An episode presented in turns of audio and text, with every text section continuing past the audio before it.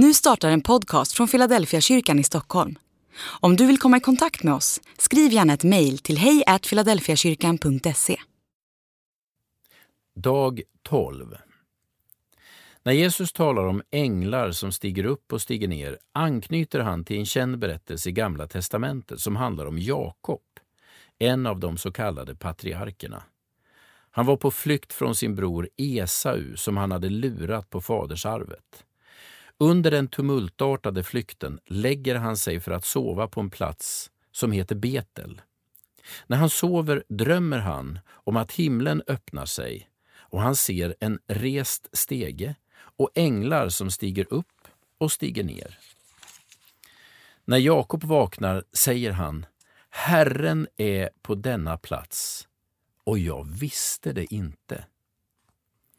Av Jakobs reaktion på drömmen kan man ana att han blir både rädd och förvånad.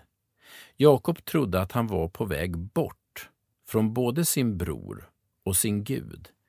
Istället visade det sig att Gud finns med honom trots hans svek och mitt i hans flykt.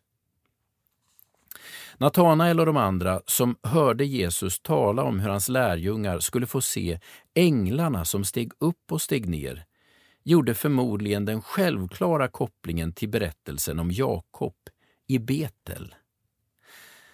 Där man inte anar att Gud kan dyka upp, där finns han. Att vara lärjunge till Jesus innebär att man kopplar på radarn för att ständigt försöka se var Gud finns. Att vara lärjunge är att försöka se de stegar som Jesus har rest mellan himmel och jord. De finns ibland där man minst anar dem.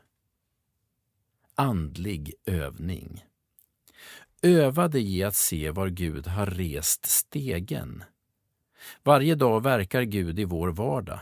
Kanske är du som Jakob, som har noterat att Gud faktiskt verkar i din närhet.